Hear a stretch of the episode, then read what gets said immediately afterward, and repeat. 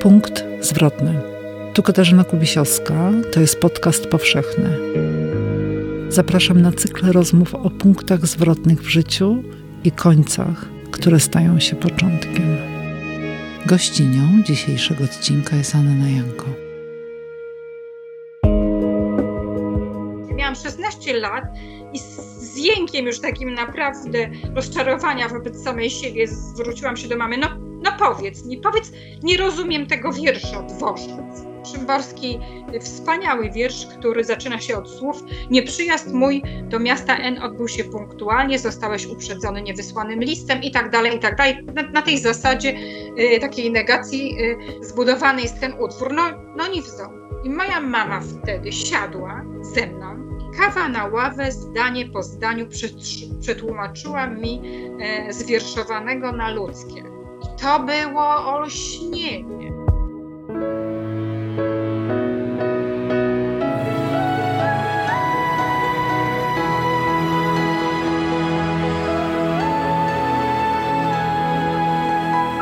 Podcast powszechny. Weź, słuchaj. Dziękujemy patronkom i patronom za wsparcie. Dołącz do grona dobroczyńców podcastu Tygodnika Powszechnego w serwisie Patronite. Dzień dobry z Krakowa, ze studia Tygodnika Powszechnego przy Dworskiej 1C. Katarzyna Kubisiowska. Dziś o punktach zwrotnych będę rozmawiać z panią Anną Janko. Dzień dobry, pani Aniu. Dzień dobry, witam wszystkich. Gdzie pani jest teraz? Ja, jak zwykle, gdzie indziej. To się wiąże z tym, że jestem jednak życiowo bardzo niestabilna w sensie dosłownym.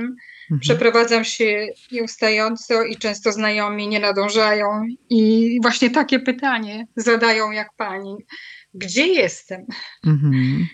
Nawet dziś, choć jestem po przeprowadzce trzy miesiące, e, to spotkanie z panią odbywam nie z własnego domu, tylko E, skądinąd, z odległej dzielnicy. No niestety, coś nie mogę w życiu złapać chyba balansu i stabilizacji. Mm. Mamy dzisiaj rozmawiać o punktach zwrotnych i myślę sobie, e, że być może pierwszy punkt zwrotny, który wpłynął na Pani życie, e, zdarzył się przed Pani narodzeniem. I Data to jest 1 czerwca 1943 rok. E, wieść na Zamojszczyźnie. E, czy dobrze myślę? Absolutnie i niestety, tak. E, sama zdałam sobie z tego sprawę dopiero mm, po 2010 roku, kiedy zaczęłam myśleć o napisaniu książki o losie mojej mamy. E, I zaczęłam badać sprawę dokładnie. E, jeździłam do Soch, owej wioski, która uległa pacyfikacji 1 czerwca 1943, rozmawiać z mieszkańcami i poznając losy ówczesnych dzieci, mm, sama e, poznawałam również przyczyny e, moich własnych e, decyzji życiowych, tych, które ja podejmowałam i tych, które jakby w moim imieniu podejmował mój los. To jest dziedziczne. Niewątpliwie przeprowadzki, bo do tego bym nawiązała, e, czyli porzucanie wszystkiego, brak życiowych korzeni, łatwość e, opuszczania miejsc, domów. E, to wydaje się atrakcyjne, ale w istocie wcale nie jest. Bo to jest zbyt łatwa nadzieja i zawsze pomieszana z lękiem. Jest to pożądanie czegoś nowego, atrakcyjnego. Jest to też przewaga ogromna wyobraźni e, nad takim poczuciem realności, mhm. co się zawsze w życiu kończy co najmniej niepewnie, a czasami konsekwencje są poważniejsze. No, moja mama, mając 9 lat, e, straciła e, w ciągu paru godzin dom, który został spalony razem z całą wsią. Straciła rodziców, którzy na jej oczach zostali rozstrzelani. I większość rodziny, bo mm, poza garstką dzieci, tam bardzo niewielu dorosłych przetrwało tę pacyfikację. Potem oczywiście moja mama już razem ze swoim młodszym rodzeństwem, czyli siostrą trzyletnią i bratem, który miał lat sześć, wtedy już, już trochę po rodzinie, do końca wojny się tułali, a potem e, zmieniali wciąż domy dziecka. Bo to nie jest tak, że, że dom dziecka może zastąpić e, dom nawet wojennym sierotom, dla których jest ratunkiem, ale to jest jednak ciągłe też przenoszenie. Potem moja mama zmieniała szkoły, więc też e, ruszyła w Polskę. Potem były nakazy pracy po studiach, a potem moi rodzice już oboje z taką niepokojącą łatwością przenosili się e, z miejsca na miejsce, z miasta do miasta, przecinając nieraz po przekątnej całą Polskę. I oni się zatrzymali w pewnym momencie. Byli już po czterdziestce. Mm, ja byłam już wtedy osiemnastolatką. E, kiedy rodzice zamieszkali w Sopocie, jeszcze ze mną na króciutko, a potem bardzo wcześnie e, zaczęłam jakby powielać e, ich cygańskie życie i też się przenosić, przenosić, przenosić, zmieniać swoje życie. I dziś, tak jak na samym początku się przyznałam, jestem właśnie mhm trzeci miesiąc po kolejnej przeprowadzce cierpię bardzo. Mhm. Nie czuję się dobrze. A dlaczego pani w 2010 roku y, spojrzała tak y, mocno w przeszłość i zaczęła pracować wtedy nad książką Mała Zagłada i dokumentować książką, która jest opowieścią o tej traumie dziedziczonej przechodzącej y, ze starszego pokolenia na młodsze. Mm, dlaczego to był to właśnie ten moment, że pani się zdecydowała, y, żeby zacząć zagłębiać y, temat? Czy to jest był wiek, czy jakby tak, świadomość, tak, że coś. Mhm. Wiek to, to w taki sposób naturalny, że ludzie prze, przechodzący granice E, półwiecza, czyli 50-letni, e, e, zaczynają oglądać się wstecz dość intensywnie, bo to jest czas takich pierwszych życiowych podsumowań i, i chcemy wiedzieć, kim jesteśmy. Ale u mnie to ta nagląca potrzeba zgłębiania przeszłości matki wynikła również z tego, że sama się otarłam o śmierć. E, I, po, i po, pomyślałam, że poczułam, e, że, że łatwo zniknąć ze świata, i wtedy nikt już e, nie sięgnie pamięcią w sposób na tyle skuteczny, czyli serdeczną książką na przykład, i nie opisze historii tamtych dzieci, E, bo, e, bo i z tych dzieci niewiele osób już e, żyło wtedy. To już byli bardzo starsi ludzie i kolejno odchodzili, co ja pisząc Małą Zagładę, przeżywałam, prawda, bo, bo mhm. bohaterowie mi umierali w trakcie tych paru lat pracy nad książką. Ja rzeczywiście zachorowałam bardzo ciężko i wydawało się, że jeszcze przez pół roku żyłam jak na bombie, e, bo groziły, groziło mi udar czy, czy jakaś inna e, przypadłość związana z chorobą zatorowo-zakrzepową.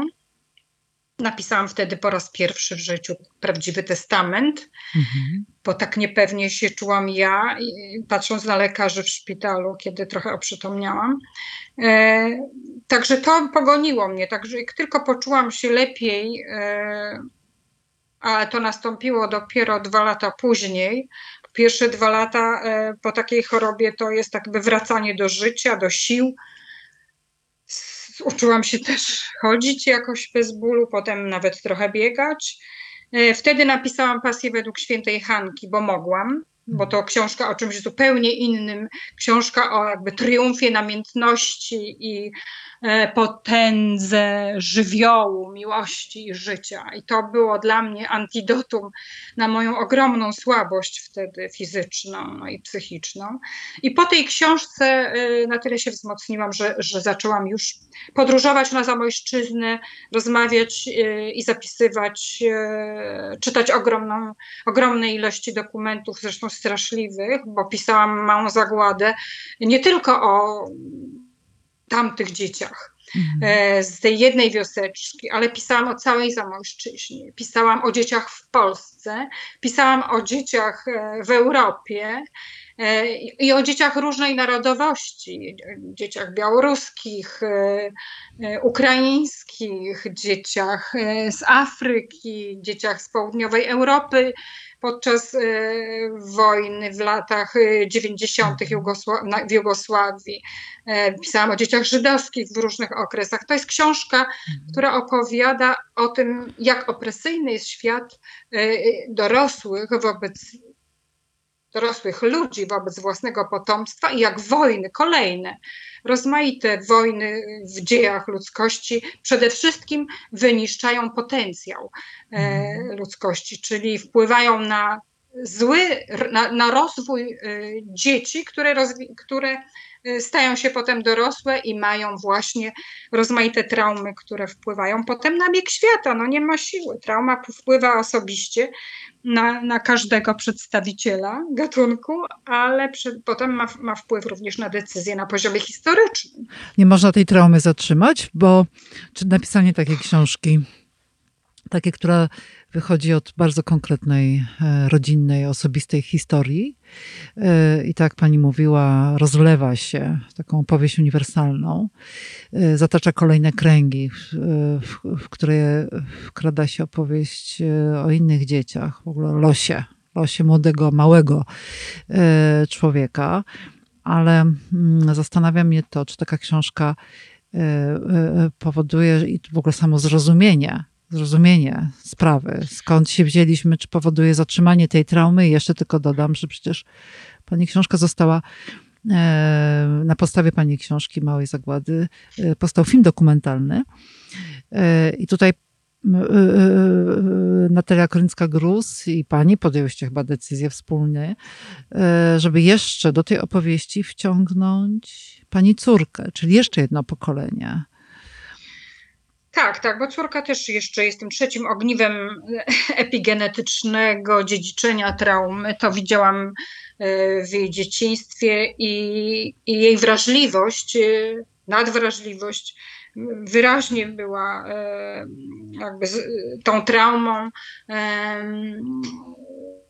no, zbudowana, bo to jest y, rodzaj dziedziczenia epigenetycznego, polega na tym, że ogromna, ogromna trauma, stres, e, protoplastki rodu w dzieciństwie powoduje e, no, takie z, y, zmiany na poziomie epigenetycznym, które polegają na obniżeniu poziomu stresu i na nieprawidłowym e, wyrzucie takich zasadniczych e, hormonów. E, kortyzolu, czyli hormonu mm, walcz albo uciekaj przede wszystkim.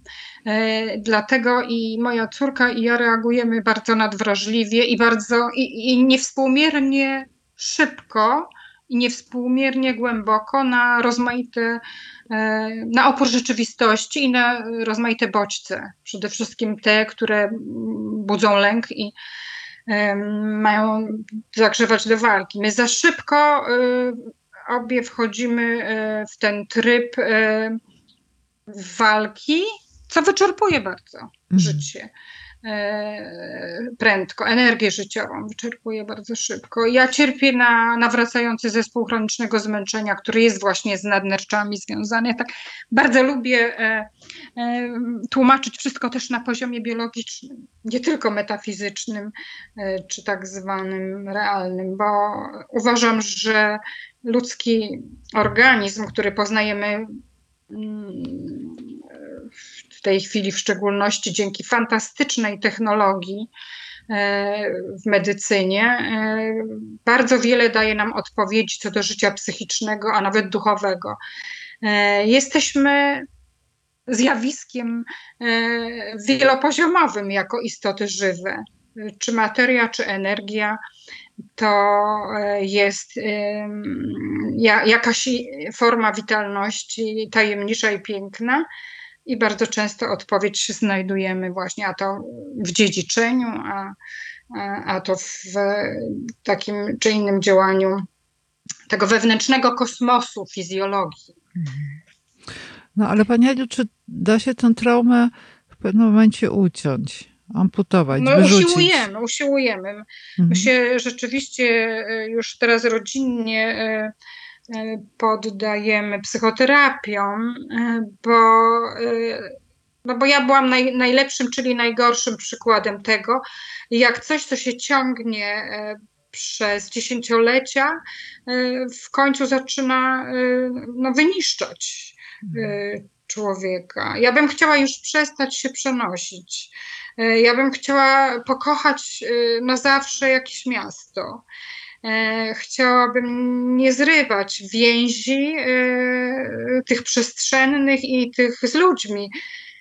Nie zostawiać ze sobą wciąż wszystkiego, a i nadzieje przestają się z czasem spełniać, bo też nie mamy siły, by nieustająco wchodzić w nowe środowiska prawda, i podejmować się nowych wyzwań.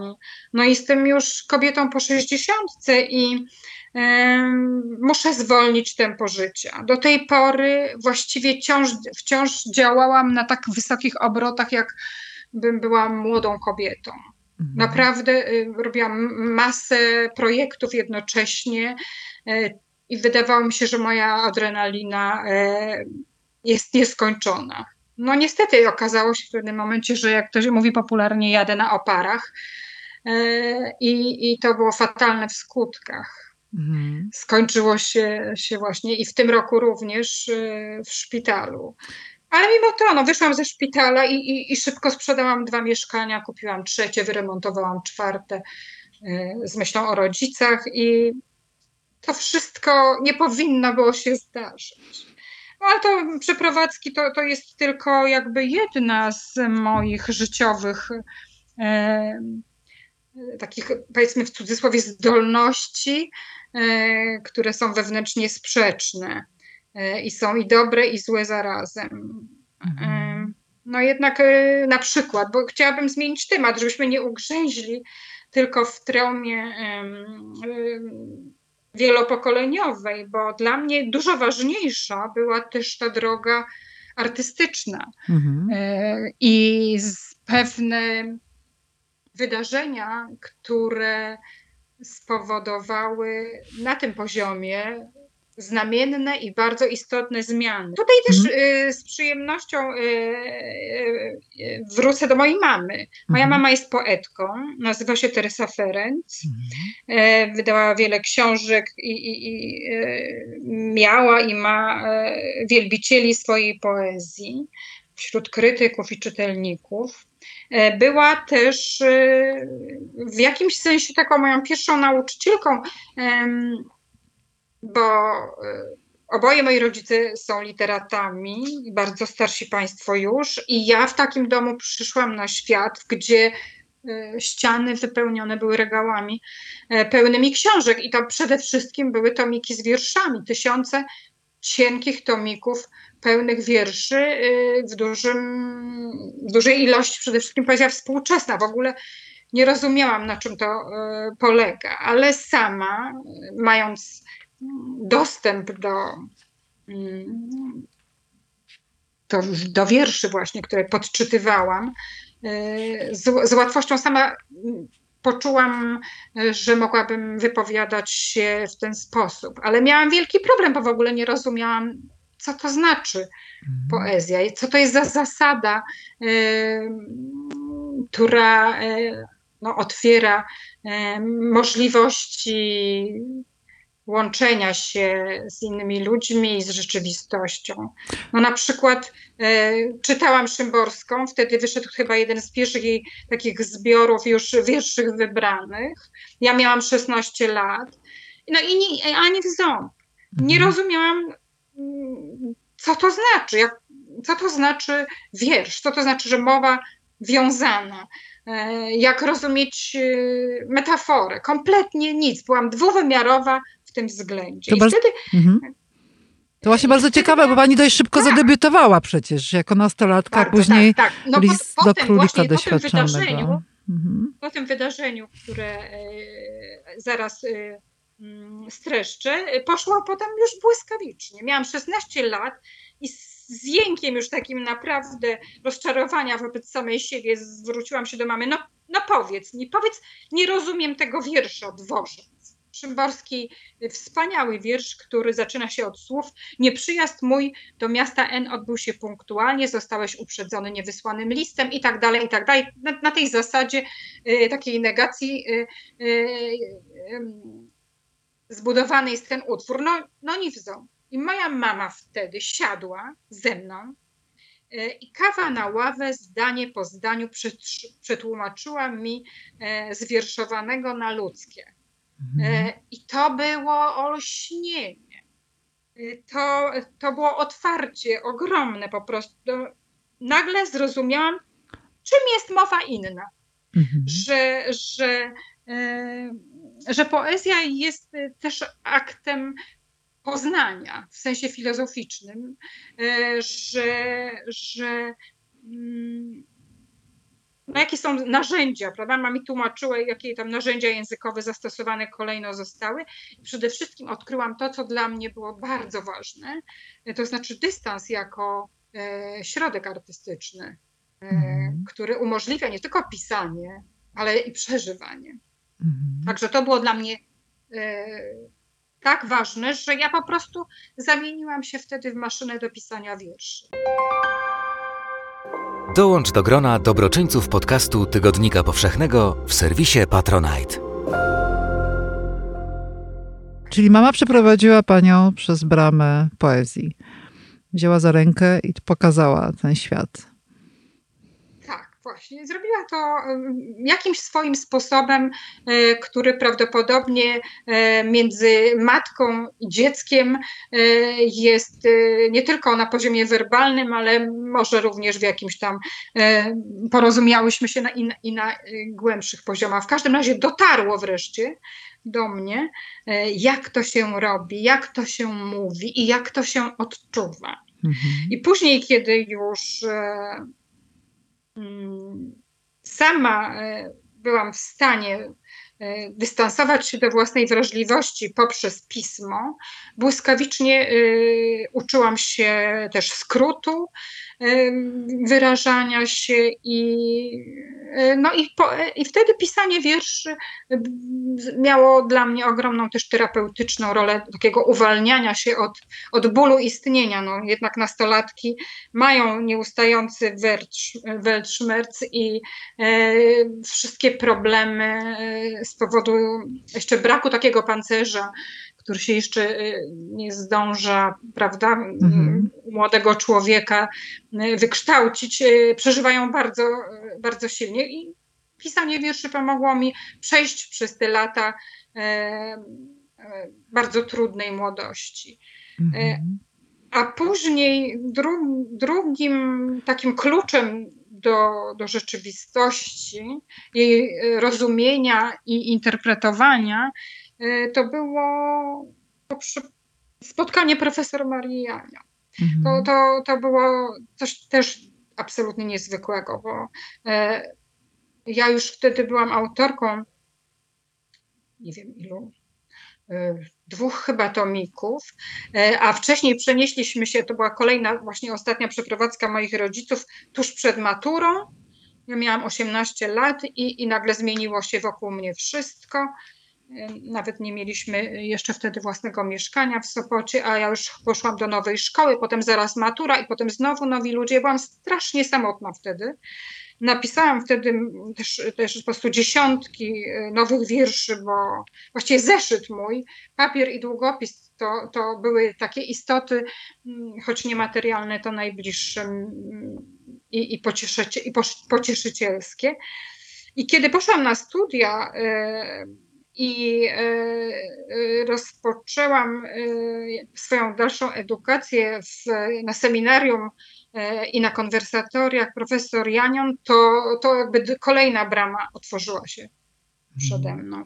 E, I miało to ogromne znaczenie dla mojego pisania e, też i, i rozumienia świata. To, no, na, nie, będę, nie będę opowiadać, jak wyglądały seminaria i konwersatoria profesor Janion, bo Wielu jej e, studentów to dziś e, znani pisarze, profesorowie, którzy wypowiadali się na ten temat wielokrotnie. Ja w swoich książkach prozatorskich też mhm. E, pisałam o Janion, w ostatniej finalistce zresztą też wspominam mm, już w pierwszym rozdziale mhm. jej postać, bo to moja wielka mistrzyni i, i wiedźma, mhm. która właśnie pokazała mi, jak mnie, mnie, wszystkim nam pokazywała, e, że trzeba być odważnym w stawianiu pytań, jak pytania zadawać, jak e, stare wzorce należy rozbijać i, i jak nie bać się właśnie interpretowania świata poprzez no, otwieranie swojej wrażliwości, jak łączyć w ogóle rozmaite poziomy rzeczywistości i sztuki. No. Mhm. Robiliśmy mnóstwo rzeczy, y, bo to był oczywiście nie tylko romantyzm, ale i literatura współczesna, filmy, sztuka, psychologia, psychiatria. No to, to był bardzo y, budujący, wzbogacający wszystkich młodych ludzi okres, kiedy Janion była w Gdańsku, bo studiowałam w Gdańsku. Mm, y, I nigdy więcej już y, w zasadzie nie, nie czułam się jakimś takim więźniem y, języka, bo wiedziałam, że nawet jeżeli nie jestem zbyt mądra, to przynajmniej wiem, do jakich drzwi pukać. Mhm. I, i, to, I to jest dzięki, dzięki Janion. Ona była kontrowersyjną postacią, oczywiście. Ja sama się szalenie buntowałam. Potrafiłam też wychodzić z zajęć w przerwie, nie wracać, bo, bo ten poziom janion we krwi był już taki, że po prostu głowa mi pękała. Ale to było drugie oświecenie. Mhm. E, I, i nigdy nie przestanę być wdzięczna właśnie jej za to. Mhm. No, ja tutaj widzę y, w tych punktach zwrotnych w Pani życiu głównie kobiety, e, bo i mama mama jako mama ze swoim doświadczeniem e, dzieci, dzieci z dzieciństwa i mama jako poetka, Teresa Ferenc e, i Maria Janion i Wisława Szymborska pośrednio. Tak, e, nawet nie zdawałam sobie z tego sprawy. A co ciekawe, mm, w dobrej recenzji z mojej ostatniej książki, która nosi tytuł Finalistka, Olga Wrubel e, e, na marginesie zwróciła uwagę, że cytuję w niej przede wszystkim mężczyzn, że tylko, że Simone de Beauvoir tylko raz i to w sposób zapośredniczony pojawia się na kartkach tej opowieści, a jednak głównie się posiłkuje jakby sposobami męskimi myślenia. I też mnie to zastanowiło, Dlaczego do tego doszło? Być może ten patriarchalny model życia mam bardzo uwewnętrzniony. No jednak ja jestem rocznik 1957 e, i wydobywanie się z tego koszmarnego modelu zajęło mi całe życie. Mhm. E, więc tę uwagę od Olgi Wrubel e, przyjmuję dogłębnie i i będę e, uważniejsza. Cieszę się, że pani spostrzegła, że te trzy kobiety też w sposób zupełnie niezamierzony e, wyszły jako moje mm, inicjatorki, tak? jako inicjatorki mojego życia umysłowo-artystycznego i są to kobiety. Mhm. To dobrze, to, to, to jakiś balans. Mnie jeszcze zastanowiło finalistę to, i w pasji e, według Hanki, o której pani wspomniała, e, pasja według Hanki była pisana w momencie, kiedy pani była, e, no, konfrontowała się z chorowaniem, wychodzeniem z tego chorowania, ze zdrowieniem. A napisała pani książkę o miłości, o namiętności. Musiała pani od, sięgnąć po, co, po coś, co po, do, do emocji z czasu przeszłego. E, a teraz pani pisze finalistkę, e, która e, między innymi jednym z jej wątków jest o powieść o konfrontowaniu się z piątą i szóstą, właściwie szóstą dekadą życia kobiety, gdy się wszystko no. zmienia, a pani już jest mhm. jakby troszkę dalej. Czyli ten dystans, o którym pani mówi, jest szalenie potrzebny do, do to też potwierdza to, co pani mówi. Ale absolutnie nie, na bieżąco nie wolno chyba nawet e, pisać, a, albo może pisać można, tylko, tylko upubliczniać e, utworów. Wydaje mi się, że się nie powinno, bo one wtedy zawsze e, są jakoś formalnie niedoskonałe. Poza tym emocje, które próbujemy uchwycić w słowa mm, zbyt wcześnie, y, nie oddają własnej prawdy jeszcze. Ten dystans jest zbawienny y, i, i o, o, dystansie wie, wiedziała wszystko właśnie Wisława Szymborska, ale i na przykład jeszcze inna z, poetka, jedna z moich ulubionych i, i z tych, które jakoś współkształtowały moje młodzieńcze myślenie i odczuwanie, to Anna Kamieńska. Mhm. Ona o dystansie też pisała w swoim notatniku i pamiętam, że czytając jako dwudziestolatka te notatniki, to bardzo sobie to brałam do serca. Uczyłam się dystansu. Jestem bardzo żywiołową osobą, która łatwo wchodzi w rozmowę z drugim człowiekiem. To chyba efekt tych przeprowadzek, że ja się nauczyłam rozmawiać e, bez wstępów z ludźmi, bo nigdy nie miałam czasu, prawda? Zawsze byłam w locie. Ale mm, ten dystans e, był mi potrzebny artystycznie bardzo.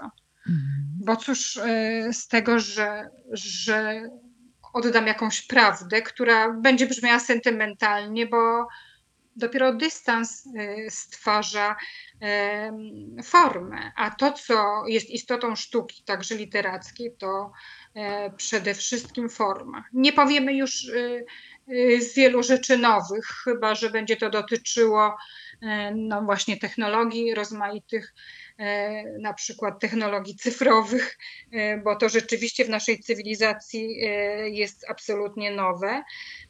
Natomiast to, co wiemy o uczuciach ludzkich, zanim jeszcze rozwiną się uczucia sztucznej inteligencji, to jest od wieków i tysiącleci znane i takie samo. Wszystko, co będzie utwór, dzieło sztuki budować to, to forma, sposób, e, wybór, wybór narzędzi, e, których używamy do tworzenia, mm, to jest najistotniejsze. Dlatego też czekam zawsze, robiąc notatki i po prostu piszę z zasady codziennie, piszę dzienniki od 14 roku życia i potem mam z czego korzystać, bo mam to, co było świeże w zapisie y, i mogę przetwarzać to, nie gubiąc tamtej prawdy, y, ale już tak, żeby to było właśnie uniwersalne. Mhm. Kiedy pisałam o wielkiej namiętności,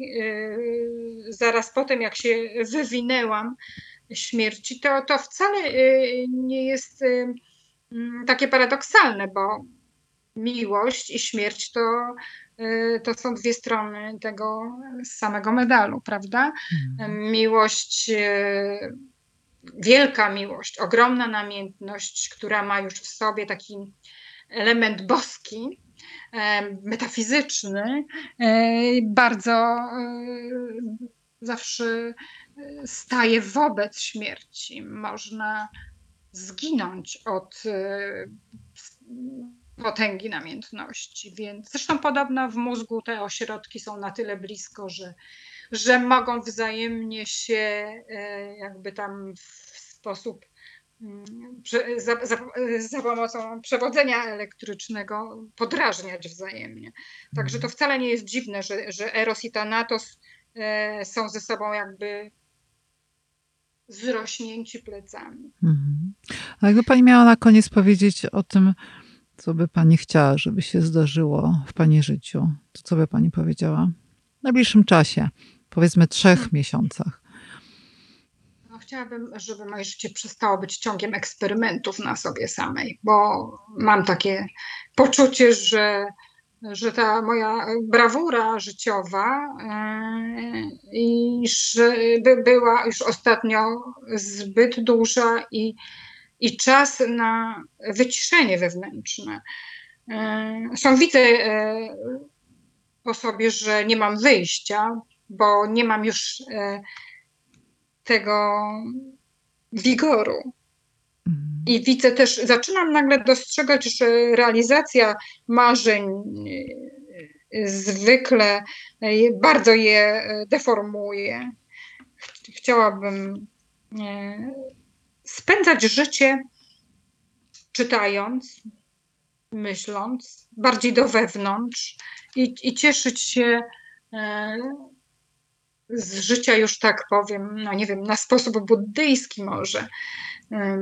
Bo zdarzyły mi się takie bardzo intensywne doznania e, metafizyczne również, które otworzyły mnie na tę stronę e, rzeczywistości mniej znaną, co jest po drugiej stronie lustra i formy energii, które mm, są inne niż e, forma zwana materią, inne zagęszczenia energii. Chciałabym móc o tym, móc w tym mm, pobyć i e, mieć czas, wreszcie e, poczucie czasu nieskończonego, nieobarczonego kolejnymi terminami kolejnych prac do oddania, e, bez przeprowadzek.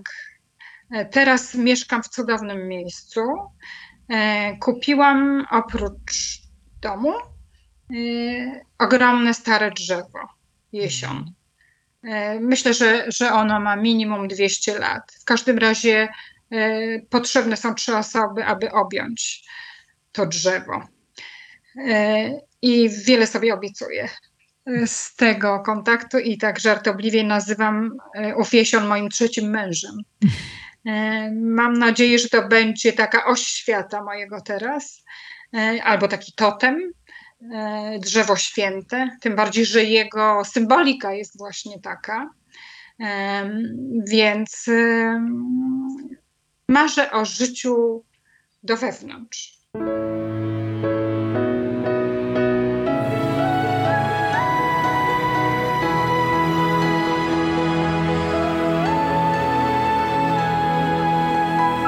Podcast powszechny.